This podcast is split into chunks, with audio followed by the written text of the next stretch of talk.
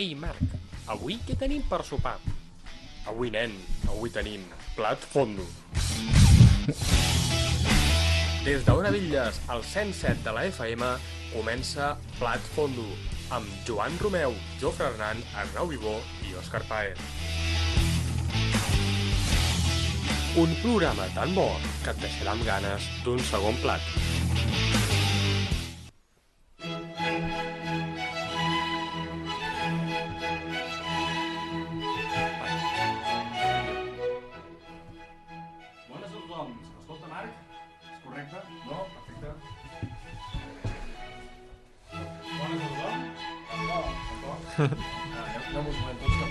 Joc de les cadires a la ràdio començat.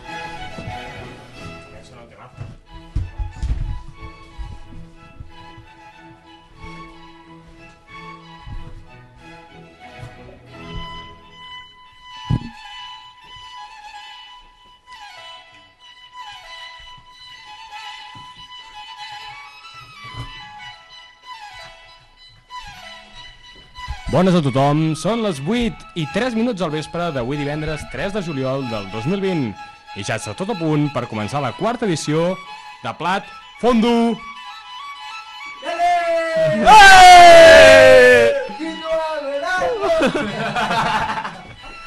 Venim d'una setmana mogudeta. Si mirem els interessos dels deixebles del senyor Floreta, ja que en una sola tarda van perdre la Lliga de Bàsquet i van perdre, si és que enca encara no estava, la Lliga de Futbol amb un altre partit molt qüestionable dels culers.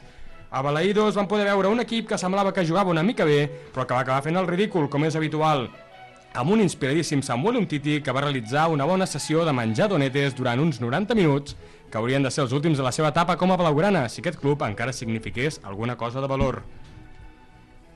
Per altra banda, aquest mateix dimarts vam viure un partit en el que el personatge més destacat era el que anava vestit de groc, és a dir, l'àrbitre Hernández Hernández, fet que té mèrit, ja que últimament és complicat ser el que, fe, el que fa més el ridícul en un terreny de joc quan, comparteixen, quan comparteixes espai amb l'equip de la ciutat comtal.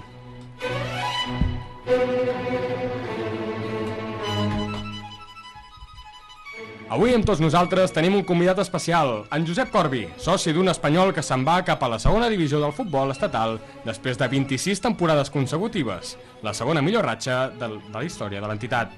L'equip Perico està en notícia aquesta darrera setmana després de despatxar de manera inesperada el Pito Abelardo, amb només 24 hores de distància al partit del Real Madrid, i col·locant al capdavant a Rufete, un entrenador que va disputar poc més de 10 partits com a entrenador de l'Ibiza de segona divisió B durant l'any 2018. Com era obvi, l'equip de Cornellà va perdre davant el Madrid i juntament amb la derrota 2 a, 2 a 1 ahir contra la Real Societat fa que els arrofetes quedin a 10 punts a la salvació a falta de 15 punts per jugar, convertir-se d'aquesta manera amb el clar candidat al títol juntament amb el Team Floreta a pitjor projecte esportiu dels últims anys. Com cada setmana, en l'espai de la tertúlia tindrem lloc per tocar fons tots aquests temes i, a més a més, el Jofre repassarà els millors moments com a entrenador del nostre convidat, l'Arnau ens portarà grans moments d'un jugador clau en els últims anys blaugranes, l'analista Romeu investigarà a fons el pas del temps de l'equip Perico i, si tenim temps, acabarem amb la meravellosa secció de la dada de merda. Tot això i molt més ho tindrem a Plat Fondo, un programa que farà que tiris la carta del menú a la brossa.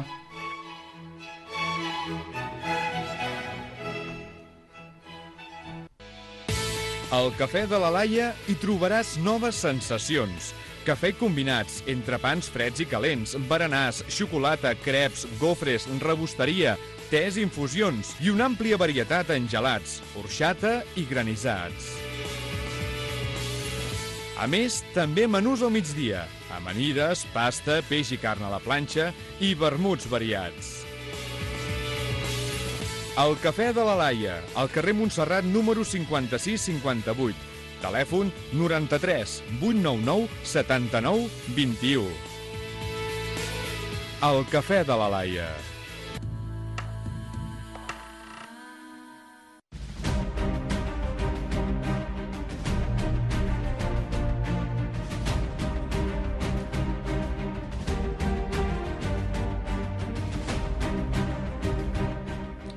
Abans de començar, des de Plat Fondo sempre ens agrada presentar els nostres convidats com es mereixen, tal i com vam fer amb el nostre estimat Marc Pujades farà ja dues setmanes, així que som-hi! Josep, Corbi i Gallego. Deuen quedar poques persones. Deuen quedar poques persones a la nostra estimada vila que encara no coneguin aquest personatge pintoresc. Si algú no el té en ment, el podria identificar com el repartidor de l'Espar que anava amb una mascareta topus de colors durant el confinament.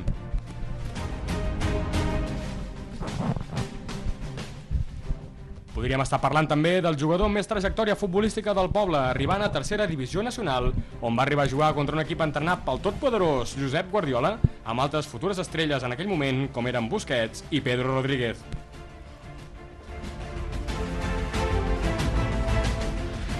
A la vegada també destaca per canviar més de club que de calçotets, ja que podem confirmar que ha passat pel Vilafranca, el Sant Mauro, l'Adam, el Manresa, el Terrassa, el Redis, l'Olesa de Montserrat, el Sant Cugat, ha fet un mínim de 3 etapes en el riu de Villes, en una de les quals va aconseguir la promoció d'ascens a segona catalana, i a part d'aquests, potser també hi ha algun equip que se'ns ha hagut d'escapar.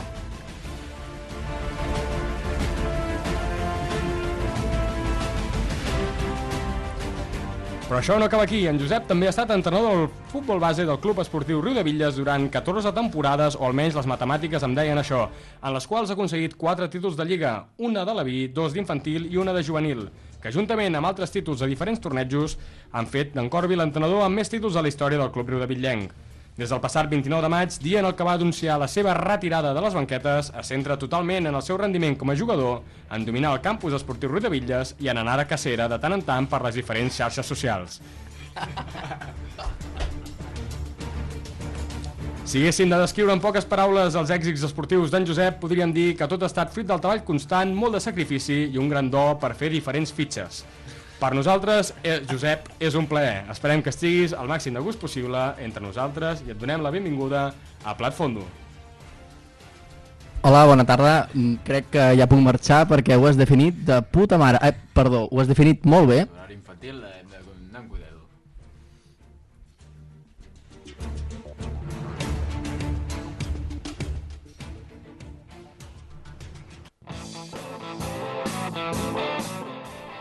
de mirar el menú i demanar sempre el mateix? A partir d'ara, a Ona Bitlles pots escollir Plat Fondo tots els divendres de 8 a 9 del vespre. Un programa que et farà tirar la carta del menú a la brossa.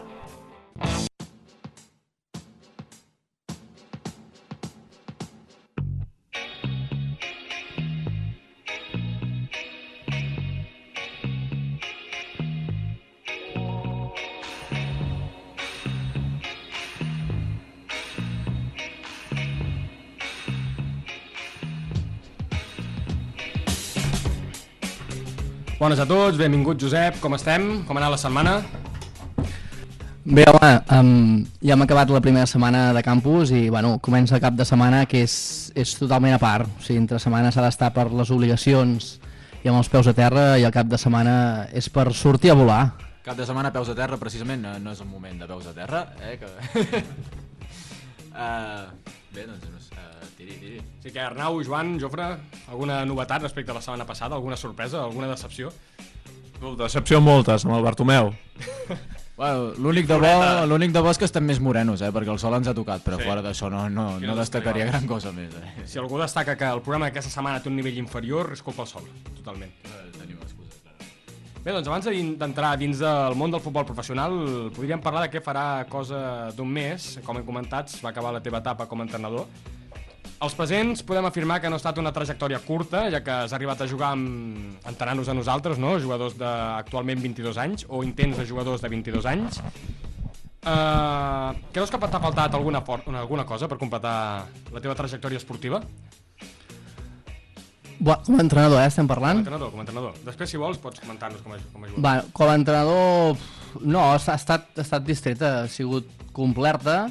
Uh, amb el tema futbol base penso que m'ha passat no de tot, però pràcticament de tot, i coses bastant còmiques que algunes compartirem i d'altres que, bueno, vull dir, algunes ja sabeu i algunes les compartirem que poder no sabíeu. I... No, tot no, no. No, però tot no ho direm, eh, aquí. Vull dir, si algú vol saber, que vingui a picar a la porta i que pregunti. Deixarem espai per la imaginació, eh, doncs. Podeu Sempre. trucar, podeu trucar. Després us donarem el número, com cada setmana, i podeu fer alguna pregunta. Estem oberts a tot. I bueno, em queda, perdó, eh, em queda la carrera com a entrenador amateur. És l'únic que em falta com a, com a carrera esportiva d'entrenador, em falta això. Faltava el cartellet d'exclusiva. Alguna... Amb el cartellet Alguna data de exclusiva. tornada? Uh, alguna data de tornada. Això ho guardem pel final, no? O que, Clar, això ho, guard... tota la carn ho, guard... ho guardem per l'exclusiva, ho guardem per l'exclusiva, no? Perquè, perquè eh, m'he trobat gent pel carrer, aquí al carrer Nou fa mitja hora, i m'han dit, només escoltem 5 minuts, si tenim l'exclusiva ara ja no escoltaran més. Que aguantin fins al final, aquests que estan al centre, que aguantin fins al final. Vull, vull recordar que si voleu enviar un missatge, heu d'enviar un missatge al 633 78 3992. El nostre Relacions Públiques Marc Pujades us atendrà molt amablement, com sempre ha fet. I ara seguim el- pel tema de l'entrenador. Quin ha estat el teu millor moment d'entrenador? Millor moment? Buah, bueno, hi ha, hi ha diferents facetes, no? Això és com tot. Uh, hi ha la faceta en plan, en plan guanyador, pues, bueno, simplement quan guanyes una lliga és un moment... Bueno, és, és com un orgasme, no, això, quasi? Ah, quasi, quasi. I després hi ha diferents moments que és en plan que només ho saps tu i quatre més i te n'en fots de tota la federació, tota la comarca, no? Són moments àlgics. Ah, jo, jo em quedaria amb aquest segon, eh? Aquest, lo d'aquest segon és tremendo. És, eh... Sí, el bo és que ho sabia tothom, però no van saber com fer-ho, eh? Per, per, bueno, per, per, per parar-ho, no van poder-ho parar. Encara busquen, la manera de parar-ho, 10 anys després. Aquell laboratori que tenia el Pep Guardiola sota el Camp Nou, doncs jo el tenia sota casa l'avi, allà sota el camió.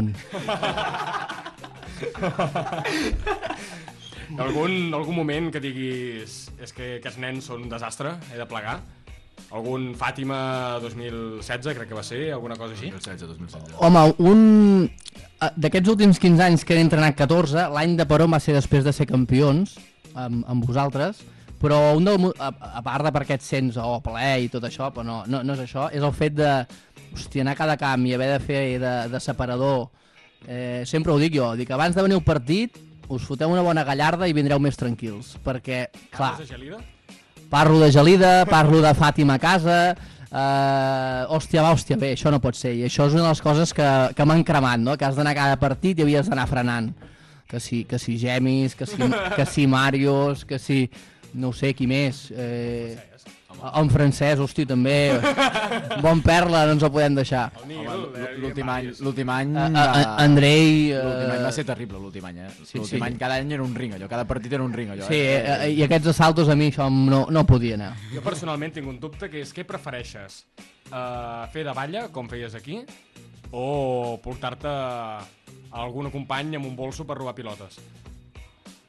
Home, a veure, el material va car, eh? Llavors, eh, recordo, recordo una pilota de Sant Mauro que la vam fotre dins d'un... sa- Era Sant Mauro, allò? Jo diria que era Sant Mauro, oi? A Fat... No? Poder també era Sant Mauro, però a Fàtima va passar segur. Sí, que vam fotre alguna pilota.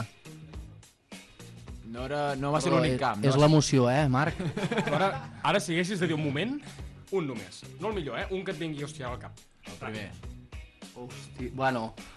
Uh, també al camp de les Roquetes, quan a la mitja part agafen tres jugadors i diuen tu i tu i tu heu d'anar al vestidor de l'àrbit i allà l'àrbit els hi pregunta, els hi diu si dieu mentides i no sou vosaltres no jugareu més a futbol, i els hi pregunta el nom dels, el seu, els cognoms i el nom dels pares i la mare. I resulta el que era bo, bo vol dir que eren pares i mares de veritat és l'únic que no va saber el nom dels, dels cognoms de la mare Xavi, tio, saps com es diu ta mare ara mateix? Pregunta a l'aire, recordem que si la vols respondre Xavi, 633 78 3992. És el telèfon per al·ludits, eh? Bé, deixarem ara un ratet al Club Esportiu Riudevilles a, a part, perquè tu vens per un motiu especial, Corbi. D'aquí 5 dies hi ha derbi, un derbi que pot ser històric, Contra què juguem? un derbi metropolità. Hi ha un Futbol Club Barcelona, Real Club Deportiu Espanyol. Sí, uh, bueno, hi ha dues maneres de veure això. Pots dir, ostres, a veure si el Barça té el gust d'enviar l'Espanyol a segona, o pots dir, bueno, ja que ja ho tenim tot perdut, a veure si podem sentenciar i donar la Lliga al Madrid. Te- Tens por, però, de, de descendre per culpa del Barça? No, no, és que ser de l'Espanyol és, és... Jo sempre ho dic, ser de l'Espanyol és un entrenament de la vida. perquè estàs patint, hasta els entrenos pateixes, perquè no és la jo ni el més bo, perquè no s'encostipi el xino, perquè perquè no li passi res a, bueno, al Pitu, quan el teníem al Pitu. A, ara aquest del Rufete, que no, que no se les faci bé quan s'afeita, va amb uns pèls. Dir, sempre estàs patint, i llavors la vida és això, és patir. I l'Espanyol t'entrenes, però al final, mira, si baixa, pues, l'any que ve segona i endavant. En canvi, quan et passa la vida dius, aquesta situació jo la supero i endavant. Estàs entrenat ja per la vida, no? Diguéssim. Sí, eh, gent jove patou i la gent, la gent gran té la, té la pell rugosa. No, la pilota rugosa també. Eh, L'esport de la pilota rugosa. L'última pregunta també relacionada amb això, els altres. Uh, jo tinc molt clar que celebraria com una Champions el descens, segurament. Si el pro- provoquem nosaltres, seria l'única alegria d'aquesta temporada. No, no, però jo, jo sempre ho he dit, vull dir...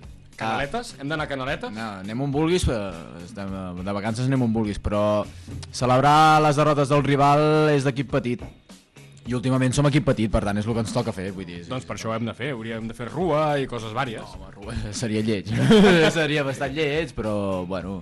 No, jo no ho celebraré pas. Ara, si em permeteu, aquesta setmana us volem presentar en exclusiva quin serà el convidat de la setmana que ve, ja que el tenim confirmat. És un alt dirigent d'un club de la comarca i li vol fer una pregunta a Josep Corbi. Què tal, família? Um, bueno, jo tenia una pregunta pel Corbi, i és que ara que ha deixat d'entrenar al Riu de Villes, m'agradaria saber a quin club de la comarca li agradaria entrenar, i per què la Uebla? Què tal, família? Bé, doncs, Joan Almirall Lloret, vicepresident de la Unió Esportiva Pla, un alt càrrec d'un dels clubs locals vindrà la setmana que ve a passar una miqueta l'estona i intentar no acabar els jutjats de Vilafranca a l'acabar el programa. El prendrem a sopar després també, no? També, una miqueta de tot. Josep, tens alguna cosa a dir? Uh, bueno, Joan, uh, tenint en compte que jo treballo just davant de casa teva, que casa, el pla és com una segona casa, a veure, ara, ara mateix, si hi ha una opció més propera és venir al pla, però bueno, però és que s'està coent alguna eh? vull dir, hauria de ser ràpid venir al pla, perquè sí, és que, és que si no et desvelo l'exclusiva, llavors podria passar abans pel pla per, per estrenar-me, no? per, per fer, per fer el, la, la desvirgada i després ja, ja anirem al, al plat fondo. No? Bé, doncs queda respost. Teniu alguna a comentar sobre el fitxatge de Corbi per l'UB Play? Jo el veig clar, eh? Sobre és un camp de terra, un joc dur que es pot fer com li agrada a en Josep, centrar els destructors. Es deixi de tonteries i no, no, no, no passi pel pla, no. Doncs ara sí... Pel plat fondo directe. Plat, També. plat fondo directe. La setmana que ve, Joan, et presentarem aquí la nostra companyia i us- et rebrem amb els braços oberts. I ara és el moment, ni més ni menys que passar de la tertúlia ens anirem a la secció de l'inspector Nan. Escoltes Ona Bitlles, 107 FM.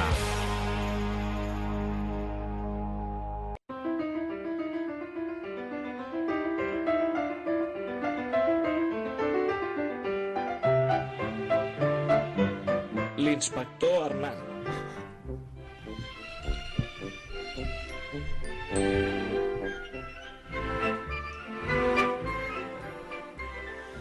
Bé, Gorbi, no sé si et sona aquesta música, no sé si...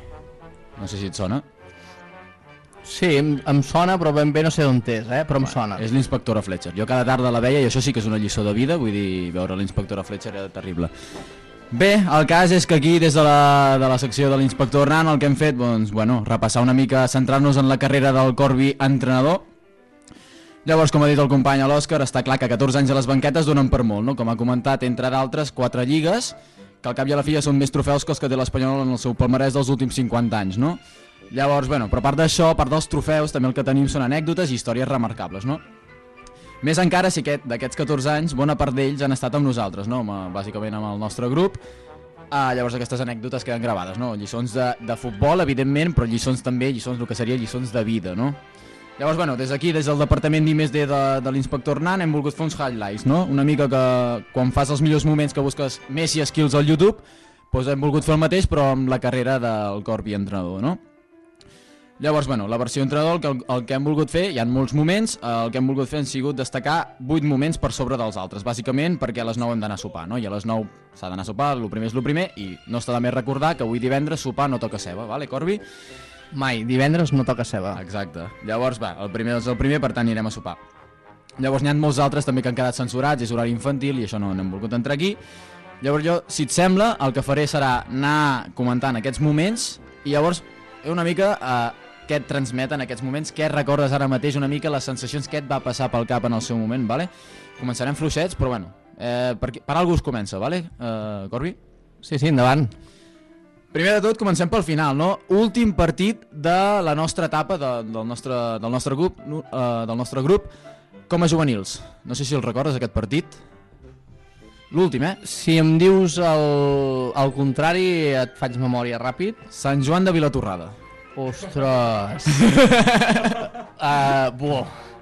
Mira, jo venia de jugar no sé on i els pares vostres van tindre la brillant idea d'anar a dinar uh, per allà a Sant Joan i vaig dir, bueno, ja ens trobarem directe al camp. Tenint en compte que havíem guanyat la Lliga, uh, aquell vestidor uh, tenia el Jaume, pare del Joan, de delegat, i només arribar em mira i fa... I, i amb això dic, què? Diu, estem de càmping. Uh, què recordo? Pues res, que allò va ser el partit més patxanguero de, de, de tota la temporada. Un desastre. Va ser 1 de maig del 2016. Cal recordar que el dia abans hi va haver la primera edició de Ceballots. Mig equip dels 14-15 que érem mig alcoholitzats encara a les 4 de la tarda. Anem Només entrar feia olor col. Era terrible, eh? destilava allà una destil·leria. 20 minuts abans encara no havia arribat l'entrenador. Venia d'un partit meu i havíem guanyat la temporada. Sí, sí, sí, no, i els jugadors van arribar 30 minuts abans, no, no, no, no va ser de l'entrenador, va ser culpa de, de tots. I el Salimba de porter. Ara, ara, anava aquí, aquí anava Sense por- guants. porter de metre 60, que no ha fet mai de porter, va ser el porter, va ser terrible. Va, llavors, eh, el, per al següent moment et recordaria una frase, aviam si recordes quan la vas pronunciar, val? La frase és, o pites o marxem. Jo crec que aquesta frase l'he dit diverses vegades. Uh, un parell o tres, tampoc s'ha de gastar, perquè si no perd efecte, però... Hosti, ara el partit... Mm. Jo et diré la data, si vols. Està apuntada. És a l'arxiu Hernán ho té apuntat. Eh, És un partit peculiar. Vas entrenar-nos de manera peculiar. Sí, sí, sí. sí. Bé, va ser... Ja, ja et faig memòria. Va Sí, ser, sí. la, va ser l'última la temporada que vas marxar fora. L'últim partit de Lliga vas venir a entrenar-nos una mica ja de cara a l'any que ve i va venir l'Hostalets. I l'àrbit va ser era un espectacle. Una Va mica... ser lamentable. Ara ja, ja ho comentarem, però venien de la noia i l'àrbit, evidentment, ja ho comentarem, venia de la noia també. Ja saps què vol dir això? Sí, sí. Aquell partit, quina nota ens ficaves com a equip? Del 0 al 10, com suspeníem? Era positiu o no? Jo crec que si arribava al dos i mig era molt. Era, mo- era ser generós. Bé, no, doncs aquest va ser el Lopitos o Marcem. Llavors jo ara, en el següent moment, jo el que et vull recordar és una frase que t'he anat recordant en- al llarg dels anys i va, ha sigut una lliçó de vida, no? El pitjor resultat a la mitja part és un 2 a 0 a favor. Com s'entén això? Com s'explica això, Josep? Això és, és, és que és lògic, és de caixa o faixa. Vull dir, el que no entengui això no pot jugar a futbol. Perquè eh, és que tots els d'aquí ho sabeu. Vull dir, un 2-0, eh, què passa? Aquí hem de jugar amb les, amb les càrregues emocionals, no? Vas 2-0, la mitja part, asseus, veus l'Aquarius, això ho tenim fet. I al contrari, a la segona part, pues, l'entrenador a mitja part fot una bronca dos, descomunal, descomunal i, i surten. I, I el primer que faci gol, si et fan l'1 a 2, ja l'has cagat. Aquell partit el perds 3-2. És que jo tinc el record d'anar 2-0 a la mitja part, minut 44, que encara no ha acabat eh, la primera part, i pensar, hòstia, fotem-nos en un i anem 2-1 a la mitja part, perquè és que amb 2-0 a la Realment- mitja part ens caurà la del calamar allà al vestidor. Correcte, és pitjor, és que és pitjor anar amb 2-0, perquè a vegades dius, mira, amb un 2-1 la tensió, la, la, la guàrdia no la baixes i segueixes tens. Evidentment que dius, ostres, són dos gols de renda, millor que dos que un, o... però, cony, eh, que no, que no, que un 2-0 ens ha passat, ens ha passat o no, Va que ens passar, han remuntat. passar. És que el, el, lo curiós del tema és que passava, És tu que passat. avisaves i passava, aquí estava el tema. És que jo el que ho passa. És com avui que has dit, a les 11 sortirà el sol i a les 11 ha sortit el sol, ha sigut tremendo. Però ha sigut així, sí, sí, és així. avis- Coses de la vida, si ho fes tot tan bé així, eh? No estaríem aquí, eh? Doncs vinga, següent moment, uh, ja ha sortit una mica aquí, però ha sigut uh, el tema de partits a la noia. Era una atmosfera especial, no? Vull dir, el tema era l'àrbitre ve en bicicleta, a peu o, a bici o en bicicleta. Sí, home, eh, és que això em va passar des d'un dia que un dia ens va jugar a Camp de la Noia, un diumenge al matí, i li vaig dir quatre coses a l'àrbit, com de costum, i aquell bon home, o aquell, era noi, és jovenet, eh? Uh, res, que diria que al quart d'hora em va treure vermella directa. No sé si us recordeu, però jo sí que recordo... Una més, no? Una, bueno, no em van No, gaires no, vermelles. no, no, no. Però em va expulsar allà i aquell dia vaig fer la cara i la creu. i, i bueno, recordo pues, això, no? que sempre us deia que quan anem cap a la zona de noia he jugat 12 contra 11 i perquè no hi havia liniers, si no ja eren 14, perdó, uh, 12, 13, 14 vull dir... jo, jo et volia preguntar, perquè ara dius que anar a la noia era una putada perquè l'àrbit anava en contra. Què passava quan pitava l'àrbit local aquí a Sant Pere? Del carrer Nou. al, a la final del carrer. Doncs que, que semblava que juguéssim a la noia també. Per què no anàvem nosaltres? Jo no ho entenc, tu. Era terrible, era terrible. Casa darrere, cuchara de palo. Després anirem cap aquí. Llavors, bueno, un altre moment... Eh, bueno, aquí ho hauràs d'explicar una mica el tema del ritual de les aigües.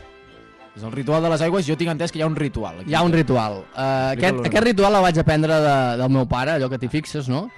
I llavors, eh, pues, bueno, jo he anat tenint bueno, ajudants o entrenadors com jo, vull dir, no, ni primer ni segon, no, però he tingut el, el Joan Romeu, Joan, el, el, el gran capità, no?, etern del Rodavilles, he tingut el Joan Romeu d'aquí al costat, he tingut el Genís, i diria que els altres anys he estat sol, no, no, no he tingut Algun més ajudants. pare ajudat, potser, I a vegades però sí. és entre... Marcel Pujol, sí, Marcel Pujol. Amb aquest també li vaig dir. La qüestió és que va ser que uh, has d'entrar a la mitja part i només has de dir prepara l'aigua.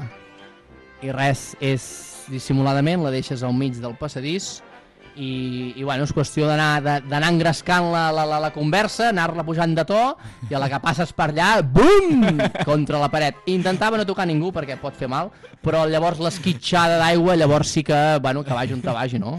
Era la quinzena rajola del vestidor primer a l'esquerra, el cara és el groc, és la quinzena. Era Sí, L2 F4, hundir la flota. Va, llavors jo ara anirem una mica a Calaf, perquè a Calaf van passar moltes coses, vale? Començarem per, bueno, jo no sé, no sé si us recordes, primer any de la Vic Calaf va ser un espectacle, tenien jugadors que semblava que venien en moto i eren alevins, era una cosa bestial i podem perdre 7, 6, 7 a 0. L'any següent no tenien tanta sort i en lloc de semblar que venien, de, de, que venien en moto semblava que sortien del parvulari. I poder anàvem 10-0 a la mitja part. Eh, Recordes què ens deies en aquelles mitges parts?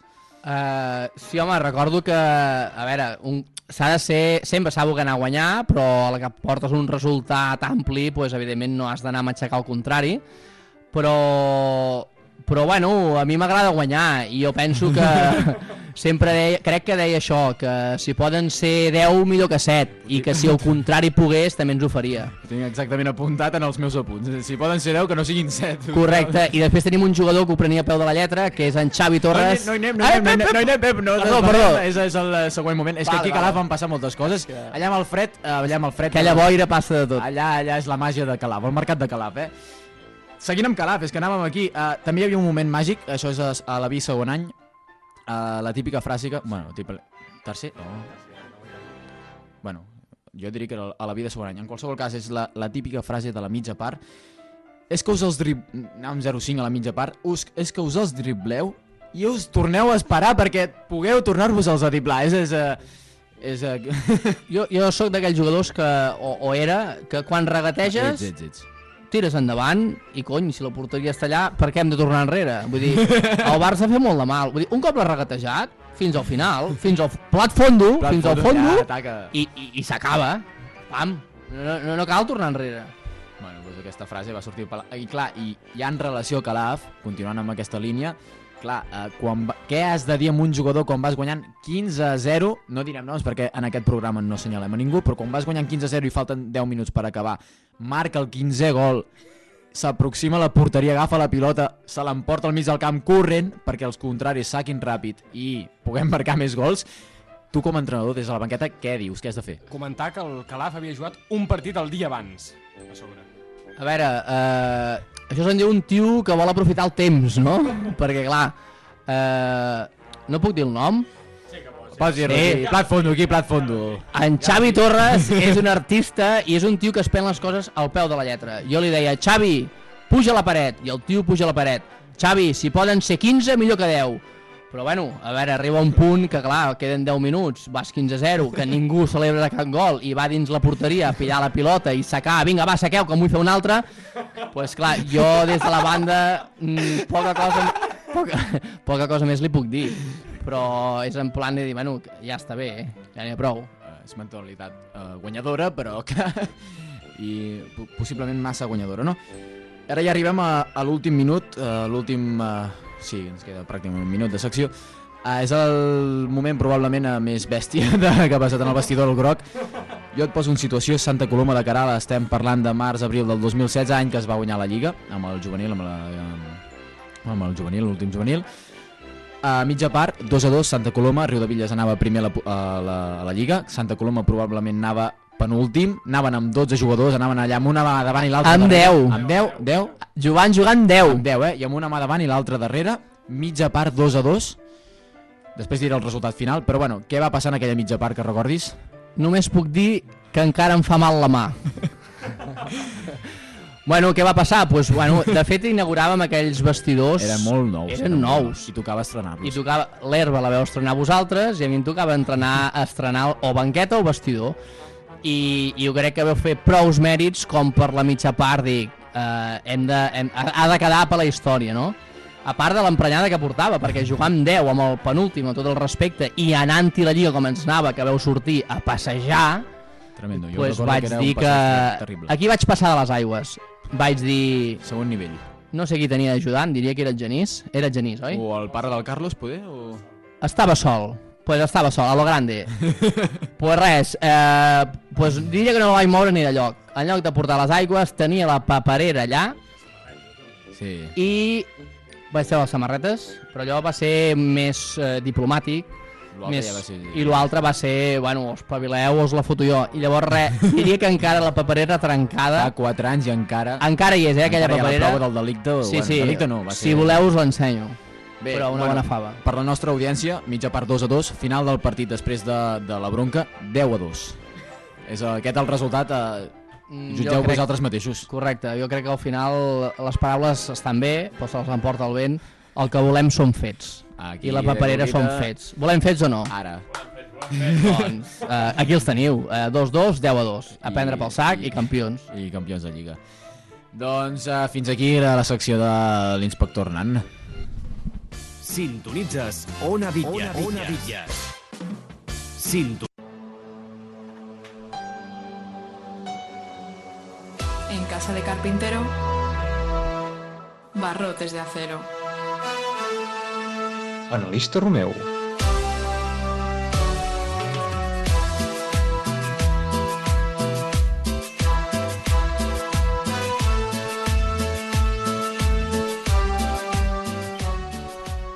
Benvin- Benvingut a Plat Fondo Corbi. Em sap molt greu per les burles i mofes constants que els meus companys fan cap a un club centenari i català, que com el seu nom indica és el Real Club Deportivo Espanyol. Per compensar-te, he preparat una secció... he preparat una secció per recuperar els primers gols celebrats, les primeres victòries, i com et sobreposaves a les constants derrotes que li va tocar viure al petit Josep, el que va fer unir-se a aquesta meravellosa minoria. Cap de nosaltres ha vist mai descendre a l'Espanyol, i no negarem que ens fa una mica d'il·lus- d'il·lusió. Jo, per exemple, ahir vaig anar al Drac Màgic i vaig comprar tota l'estanteria. Fins i tot em van regalar una samarreta, ja te l'ensenyaré. Però, per molt estrany que sembli, no sempre ha sigut així. Hi havia èpoques que s'assolia amb solvència l'objectiu de la 17a posició, i pel camí van caure un parell de Copes del Rei i dues finals de la UEFA. Per tant, avui farem una barreja de l'11 titular de l'Espanyol al Bernabéu el 2006, on va guanyar la Copa del Rei entrenats per Lotina, i l'Espanyol de Valverde el 2008, que va, a la final, que va arribar a la final de Glasgow amb l'11 titular de la plantilla actual. A la porteria hem canviat una pantera del Camerún per un calp de Lugo. Tot i, que al final, tot i que la final de la UEFA la va jugar a l'Etarra de Corca Eraizos, aquest, aquest estava a l'ombra de Carlos Kameni. Un Kameni que era com tirar una moneda a l'aire. Tant podia parar, fer una parada espectacular i, plante i plantejar-te serio seriosament si, ten si tenia tre tres braços com en passar-se el gol més tonto de la temporada. Diego López, en canvi, va viure la seva joventut a la Casa Blanca, però ara ja té 94 anys, pateix Alzheimer, problemes d'orina, 25 catarates i passa els dies a la residència perica perquè no el volen enlloc més. A lateral dret hem passat de Zabaleta a Javi López. Pablo Javier Zabaleta Giraut va néixer va arribar a Barcelona per cantar a la boca del metro d'Hostalfrancs, però finalment volia ser com Shakira, Coldplay o U2 i va anar a actuar a la banda dreta de Montjuïc. La diferència més gran és que els artistes que els artistes anomenats actuaven davant de, de 100.000 persones i el carnisser argentí davant de 1.500, a molt estirar. Actualment tenim a Javi López, que és una arma de- d'autodestrucció. És el cavall de Troia dels 19 equips restants de la primera divisió. Si ell ha arribat a jugar a primera divisió i a ser el capità d'un equip, per molt lamentable que sigui aquest equip, tu, que ens escoltes des de casa i estàs a punt de fitxar per l'Igualada, també pots. Recadet. Ja la, ja la tens. Hem canviat un central de pes com Marc Torrejón per un escanyolit com David López. Marc Torrejón seria l'Àlex Márquez, germà de Marc Márquez, del futbol. La seva germana Marta ha aixecat 4 lligues i 6 copes. I per contra, el Marc, per aixecar més d'una copa, havia d'anar un divendres al vespre al Port Olímpic de Barcelona. David, Lom David López vindria a ser un cranc, perquè actualment ja va només enrere. Va començar de mig centre defensiu, va continuar de central i actualment és l'encarregat de treure les pilotes de dins de la porteria cada cop que el rival marca un gol. Si segueix amb aquesta progressió, està a punt d'anar amb els nois simpàtics situats a la recta darrere de la porteria, capaços de fer un càntic masclista, homòfob i racista amb només quatre frases. La meva sincera, la meva sincera enhorabona, enginyers. L'altre central era Dani Jarque, que no no serà comparat amb, amb cap central de la plantilla actual. De fet, Dani Jarque és incomparable en cap jugador de l'actual espanyol. Ell era, és i serà sempre sentiment perico. Un líder que ens va deixar massa aviat i que ho tenia tot per marcar una època. Només que un jugador de l'actual plantilla tingués el seu, seu caràcter i la seva estima cap al club, la temporada actual hagués estat molt diferent. A lateral esquerre jugava David Garcia i ara juga Didac Vilà. Els ficarem tots dos dins el mateix paquet perquè... perquè, perquè és, com, és com si et deixen escollir per sopar rap o llenguado per acompanyar les verduretes. No saps què és pitjor. Tots dos van, van ser formats a casa i durant un temps van ser una solució que, re, que em recorden els raviolis que prepara el Jofre a les 5 del matí. A vegades, a vegades... A vegades són més durs que un martell, però només són una mica al dentes, ja que a mi m'agraden així. I altres cops els falta una mica de cocció per la falta de noció de temps i mastegues i mastegues, però no hi ha manera d'empassar-te'ls. Però com que no hi ha res millor, te'ls acabes menjant sempre. De mig centre defensiu hem canviat com la nit al dia, ja que hem passat de Moisés Hurtado a Marc Roca. Moisés Hurtado, també considerat el segon migcampista millor del món des que va néixer a Badia del Vallès, era un pur llenyataire. No hi havia dia que no, que no faltés a la cita amb la targeta groga. Per contra, Marc Roca és un pur estilista, elegant com pocs, va gaudir d'una bona educació en mans de l'Anna Maria, però està envoltat de quillos, jonquis, ninis, valgui la redundància, que mentalment van 5 minuts més lents que el granadenc i no, i no l'ajuden en res. Com a mitjcentre creatiu, abans hi havia Ivan de la Penya i actualment juga Víctor Sánchez, que té menys creativitat que els nens petits del campus. Ivan de la, de la Penya era el gerro impecable que hi ha al menjador de l'àvia i que té un valor incalculable. Però pobre de tu que el miris més de 10 segons perquè encara el trencaràs amb la mirada. Víctor Sánchez participarà a la pròxima temporada de la Casa de Papel amb el nom de Terrassa, localitat on va néixer. La seva funció hauria de ser la de robar pilotes, però jo em pregunto com una persona tan, limi tan limitada futbolísticament parlant, i el que no és futbolísticament parlant també, ha pogut viure tants anys del futbol i ser sempre titular tenint en compte que el nostre convidat d'avui té millor cama dreta que ell, i mira que el Josep és esquerrat tancat, i la seva cama és de fusta, però és que la del Víctor és de cartró mullat.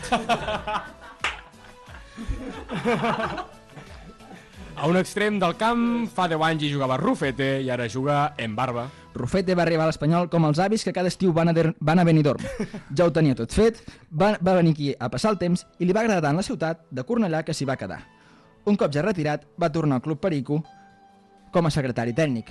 I ho va fer tan bé que el xino que mana el va posar d'entrenador perquè es mengés ell solet el marrón de la plantilla tan dolenta que havia confeccionat. Adrien Barba va començar l'any jugant a segona amb un club lamentable com és l'Espanyol i l'acabarà jugant a segona amb un, amb un club lamentable com és l'Espanyol. I el primer és el Rayo Vallecano. A l'altre extrem hem canviat el follet i d'Albert Riera pel, des... pel desubicat Sergi Darder. Albert Riera era un jugador espectacular per l'Espanyol, però va decidir fitxar pel Salva Benelux. Una esquerra d'or, molts, gor, molts gols, moltes assistències, però canviava més de parella que de mitjons. Llàstima que com a parella va agafar la nòvia de Raúl Tamudo i va haver d'ex- d'exiliar-se per la seva seguretat. Sergi, Sergi Darder no és mal jugador, però actualment juga tirat a la banda, quan aquesta no és la seva posició. Viu la situació que un dia ens va explicar molt bé en López, i és que quan passes, poses les galetes a la caixa de les magdalenes, aquestes perden tot el seu gust. Doncs en Sergi Extrem canvia tant de gust respecte al Sergi mig, migcampista que en lloc de jugar a futbol sembla que jugui a tennis perquè sempre va buscant les línies. Com a segona referència, hem passat de Luis García a Caleri. Si ara comencés una guerra i, i aquesta hi haguéssim d'anar amb Luis García, hi aniríem amb una escopeta de fira, ja que fallava moltíssim, però després de molts intents i desesperar-te pel camí, de tant en tant et donava alguna alegria i et servia per sobreviure. Per contra, si haguéssim d'anar amb Caleri, és com si hi anéssim amb una pistola d'aigua espatllada. No val que, que ho intentis, que per molt que t'esforcis, acabaràs morint. I com a jugador més determinant, hem canviat Tamudo per RDT. Raúl Tamudo és satanàs.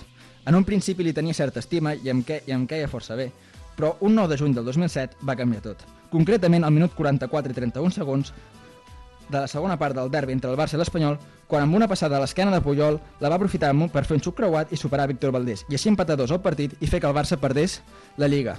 Els aficionats pericos no han, celebrat, no han celebrat mai tant una onzena posició, i com veieu, jo, i com veieu, jo ho tinc quasi, quasi bé superat i no me'n recordo gens. RDT ens pensaven que seria la reencarnació de Pelé, Maradona i Ronaldo, ja que va fer una extraordinària xifra de dos gols en els seus dos primers partits. Posteriorment van veure que això era mentida i que era igual de dolent que la resta dels seus companys. Tam També ens van voler enganyar amb, amb el seu art amb la pintura, on teníem dubtes si era el nou Dalí, Picasso o Van Gogh, però després d'observar detalladament l'avió que va dibuixar, i vam arribar a la conclusió que a nosaltres aquest tio no ens enganya.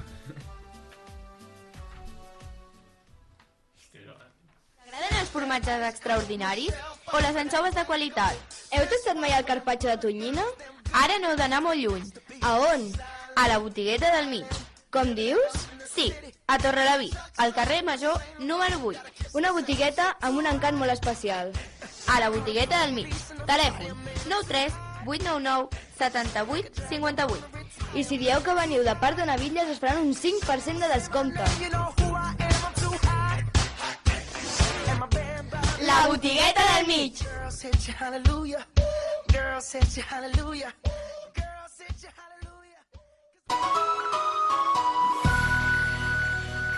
La cata del Manyoses.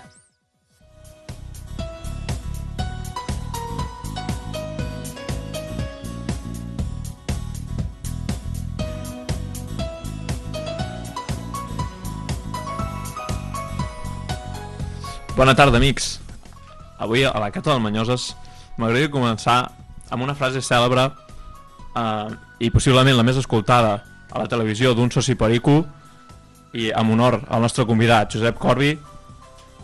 Bones tardes, amics meus tots! Fent honor a Quim Sant, Sant Canyelles.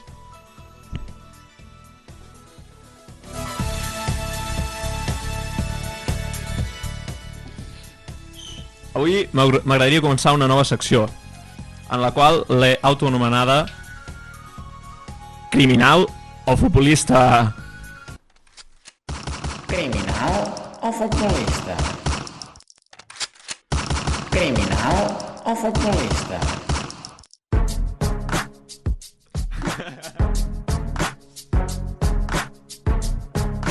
Aquesta nova secció la rima de 57. Ara, sí? Correcte. En aquesta nova secció, el ritme de 50 Cent de fons, em us faré partícipe i participarem tots una mica en aquesta nova secció, d'acord? Jo us comentaré quatre acusacions, vale, denúncies o multes que han pogut ser comeses per eh, futbolistes o no, d'acord? Vosaltres m'heu de dir si és verídica o me l'he inventat jo. En el cas que fos verídica, eh, jo, si sabeu qui és el, el jugador criminal que l'ha comès, el comentem i podem fer un repàs dels seus highlights. I si no, pues, si inventat, doncs passarem a la següent acusació, d'acord? Vinga, sec.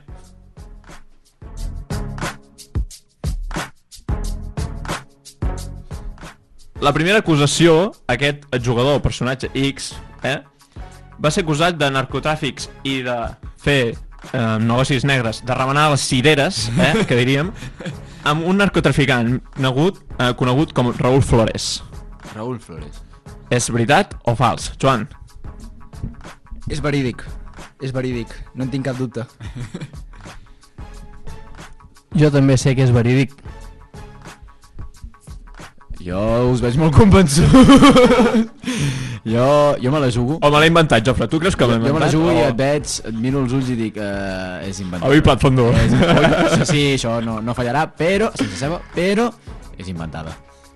Jo no reconec a cap Raúl Flores, així que també fico l'empat 2 a 2, no és verídic. Marc Vilaseca, eh, Saps de què estem parlant, Marc? No en tinc ni idea, la veritat. Doncs jo crec que hauríem de fer l'empat, no? I... D'acord, va, estem Ho deixem- empat. Ho deixem dos dos, eh? Estem en empat. Uh, teniu idea, o els que heu acertat, de qui podria ser l'acusat? El típic jugador argentí que ve aquí a Barcelona, un Carlos, no sé, un Zabaleta o un Carlos, un Carlos Tevez a Boca, no ho sé. Un Maxi López, per aquí. un Maxi López, Maxi- compliríem el perfil, La perfecte. gallina, eh, la gallina. La gallina, eh? Oh, la gallina. Gallina vella fa bon caldo, diuen. Tu tens algun nom, Josep? Jo tiraria cap a Benzema. No, no, no, per, no per res, però com que en fa tantes... Reincident. Alcatraz, li diuen. Va ser exjugador del Futbol Club Barcelona. Epa, és, és verídica ja, eh? Donem per... És Donardo? No. Home, Arda, Bueno, va, quan... Arda, ojo, eh? Ojo. Rafa Márquez. Sí. Oh, és veritat! Oh! El central mexicà. Va ser sancionat uh, per culpa seva. Uh, als Estats Units va sancionar 12 mexicans i va multar 42 empreses per tenir negocis bruts amb, amb Rafa Márquez i el- l'amic, l'amic, el partner, eh? El Flores, el partner. I, bueno, eh, no, no, en el cas no ha avançat, no s'ha resolt, està acusat només, i com a dada de merda, que ens agrada comentar moltes dades de merda d'aquest És programa, la millor secció del programa. al Mundial de Rússia del 2018 no va poder jugar amb la camisamreta oficial perquè no podia, podia portar els, els sponsors. Però llavors, llavors no és oficial, és presumptament. Que aquí aquesta Presumptament, par- també, aquesta, també comentem. aquesta paraula ens agrada molt aquí. Exacte, ara possiblement Ra Rafa Rafa uh, Márquez deu estar fent-se uns frijoles, possiblement, o, o com a càstig, o com a càstig, deu estar ficant totxos allà al mur de, de, de, de, casa, de casa al Corbi, eh? No, no, no, no. Anem a mal, mal interpretar. D'acord, passem a la següent acusació. Sec.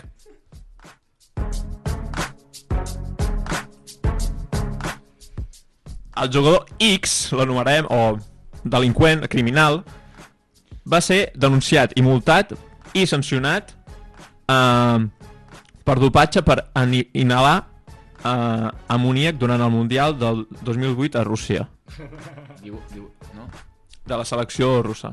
Vale. Va, Ju- eh, va Òscar Paez. Jo crec que si és rus, amoníac i dopatge, sí, a sobre futbolista no pot ser molt espavilat, correcte, ho ha hagut de fer segur. Voldria portar-li la contrària a l'Òscar, però és que és un còctel molotov. És, és, eh, jo jugaria, em jugaria que sí, que sí, que sí. Jo per ficar-li emoció diré que, és, diré que és inventat. Jo crec que això t'ho has inventat amb una copeta de vi, però no té cap sentit. Marc Vilaseca, uh, ara sí? El sec, eh, jo crec que... No, tampoc, és mentida, si no, no ho hauria explicat. És mig veritat i mig fals. Era aquesta... Ah! Aquí la ve la tramesa, la tramesa. Uh, És que em sonava que hi va haver liu, ja. Va haver liu, va haver liu, perquè els mitjans de comunicació, a més, em sembla que eren quarts o, no sé, o semis contra Espanya, que van anar empatats, uh, va sortir als, mitja, comunica als mitjans comunicatius locals que sortien imatges de jugadors russos fent esnif... coses rares, no? Ensumant fort i coses... I que la FIFA no, no va sancionar perquè es veu que això tampoc és motiu per, de dopatge, acusació. I el metge va, ho va negar completament que els seus jugadors de la selecció fessin això i va fer aquesta frase i va dir Esto lo hacen miles de deportistas para animarse. Se utiliza desde hace décadas. I al, al cap d'això el van destituir, però... Bueno, però, Camp, el Camp Nou, el Camp Nou no, no m'estranyaria que això passés. Molt bé, passem a les... Passem al següent, el següent criminal futbolista, inventat o no. Jo crec que aquesta és de cajón, perquè és bastant, bueno, ràpid, diríem d'aquesta manera. Ha sigut denunciat i acusat per, eh, i multat, sobretot, diversos cops per excessos de velocitat. Benzema. ja, ja, pa, ja ho Amb És diversos... Alcatraz. amb diversos accidents, per exemple, com estavellar-se contra la valla de la urbanizació de la finca, on hi havia un rètol de 50 i ell va dir, no, no, 250, pum, Sí, va colar un dos, endavant. va. Tothom li pot passar això. Això va ser el 2009, però no s'acaba aquí, no s'acaba aquí, té un bon palmarès també. El 2011 va ser multat per carreres il·legals a Ibiza després de sortir de Ushuaia, segurament. I ara crec que, que amb aquesta última acusació del mateix personatge, ja us ho deixo bastant a cajón aquesta, eh, Corby, que ja l'hem comentat una mica abans, va ser, va ser multat per anar a 216, que encara em sembla poc, eh, per la M40 a Madrid. 216 són els centímetres de la cosa, de la gasola, no és tant. Anaven 4, eh? Sense mascarilla. Va, verídic o fals? Karim Benzema. És, és verídic i és més, al minut 60 de cada partit en el pub es fa la broma de que aquest home s'ha de substituir perquè el pas a recollir el, el bus de la presó. Jo estic entre Benzema o Vin Diesel. Karim Benzema. Jo ho he dit abans que diguessis res. Molt bé, gent, molt bé, esteu informats. I tal com comentava, el Jofre és més conegut al 1060 al PAF com el presoner. El Garjola. El criminal més temut al volant. Esperem que no acabi com la carrera, la seva pròxima carrera il·legal, que acabi com el Reyes. Home, no has comentat també, no has comentat també que no acaben aquí els seus uh, conflictes amb la justícia. No, no, n'hi han de més turbis, però no els he volgut destacar perquè crec que no era el moment. És molt d'hora encara per comentar-los. Hi ha uns vídeos bruts... Bé, bé passem, pa- passem pàgina que ara ve el, el peix gros. O no, inventada. Aquest tros de pa va ser condemnat a 20 mesos de presó per portar una llicència de, de portar una arma sense llicència i per disparar a un hospital. Us dic això ja. Us dic que aquesta és l'acusació i que ja. Verídic o fals? Jo crec que és verídic, però pobre segur que tenia uns grans motius perquè és un tio molt centrat normalment. No he vist mai un mal comportament seu al camp de futbol. Jo, jo sé per on vas. Un tio que porta una barba així només pot ser bona persona. És l'Arthur, no? Ai, l'Arthur, el... El Riqui Puig. El Vidal. Ah, el Carubí. Jo crec que és Riqui Puig sense cap dubte. Aquesta descripció cau amb els seus ideals. El uh, il·legal de Matadepera. És, eh, Jo coincideixo amb el Corbi. Doncs no, tot i que em sembla que va entrar el mateix any que, que Arturo Vidal. un parell d'anys, no? Va ser... No, no ho sé, ara no, no ho recordo molt bé. Estem parlant de Arda Turan. Arda Turan... És verídica la història. Tot va començar amb un frec a frec a la discoteca. amb, amb, un, amb un cantant famós que no recordo el nom, però és molt raro. I es veu que va haver-hi un comentari mal fet cap a la seva mossa Home. i va haver-hi un frec a frec. I l'Arda Turan, com és un tros de pa, va dialogar i li va trencar el nas. Les paraules poden fer molt mal. Doncs, bueno, després, clar, el tio no en va tenir prou i el van a buscar a l'hospital, armat fins les dents, i, i segons el seu abogat va dir que va dis- disparar sense voler al terra. I, bueno, Però, clar... però quina farlopa els hi venen amb aquesta gent? Bueno, és, és, és, és, Istanbul, és, allò, és eh? Clar, és saps? turquí, allò, eh? Ojo, eh? I bueno, que és, aquest és el, el, els personatges i cal destacar que aquesta setmana um, ha deixat de ser jugador del Futbol Club Barcelona quan des del 2018 va disputar el seu últim partit. Clencs. No, no, no, que tinc un... Bueno, que ara possiblement el, el, a l'Art de Turan eh, des de que va marxar a Turquia va ser cedit dos anys eh, va començar la seva decadència com a futbolista carrera futbolista i va començar la seva ca la carrera com a delinqüent i ara possiblement deu estar fent un job, un part-time amb el kebab d'Istanbul i ara també és conegut com el, el de- d'Istanbul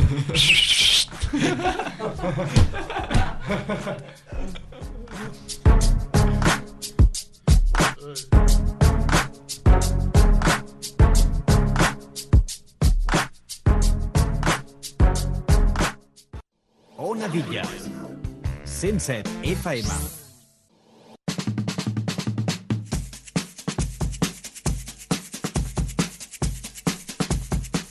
Bé, ja només ens queden 4 minuts de programa, així que anirem per feina amb l'última secció, la secció de la dada de merda, la secció que esperen totes les famílies a casa i la que fa que la gent s'enfadi entre ella per saber si han encertat o no. Començarem. Primera pregunta. Jofre Hernan. A la temporada 2008-2009 es va disputar un interessantíssim Atlètic de Bilbao 2, Racing de Santander 1. Aquest partit, però, ha, estat, ha passat a la història per ser el partit amb més targetes de tots els temps. Quantes targetes va treure el referee Bernardino González Vázquez en aquella tarda?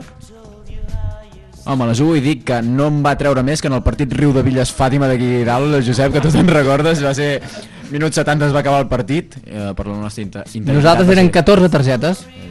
Per la nostra integritat va ser el millor que va poder fer l'àrbit. Jo diria, em posaria bon, 22 jugadors, eh, 15. No! Van ser 17 targetes grogues i una vermella directa. 18 targetes. El Bernardino ha passat a la història. Ens anirem a Joan Romeu, a l'analista. També va de targetes el tema i anem a parlar d'un dels partits en qüestió. El 13 de desembre de 2003 va tenir lloc un Espanyol 1, Barça 3. Un partit envoltat per la polèmica que ha passat a la història també, com l'anterior. Però aquest per ser el partit amb més expulsions. Quantes hi va haver, Joan Romeu? No en tinc ni idea. Direm una 5. No! T'has quedat curt! Van ser sis, van ser Ivan de la Penya, Rafa Márquez, Quaresma, un tros de pa, un del Sol de Villa, que realment no en tinc ni idea de qui és, Felip Cocú i Lopo. Lopo és un carnisser, no podia, no podia faltar a la cita. Marc Vilaseca, estàs atent? Estic atent. El 14 de gener del 2005 el Real Madrid va confirmar un dels millors fitxatges de la seva història. I sí, estem parlant del meravellós Thomas Gravesen. Ja està buscant el Marc ràpidament el seu ordinador personal. Un dels jugadors més peculiars que han vestit mai la samarreta blanca. Quants milions va costar el seu fitxatge, Marc? Mm, Graves, és que no puc buscar perquè no sé escriure el seu Gravesen era un home calvo que ha estat famós per deixar la gravesinya, que va ser com arrossegar el genoll pel terra durant 5 metres mentre es movia. nom. 16. No! 3 i mig! 16 per Gravesen seria l'estafa més gran de la història, segurament. Arnau Ibó i Martí. Digui'm. Entre el 22 de juny de 1997, fa dues setmanetes, i l'1 de febrer de 1998, es va viure la pitjor ratxa de, ratxa de la història d'un equip a primera divisió espanyola.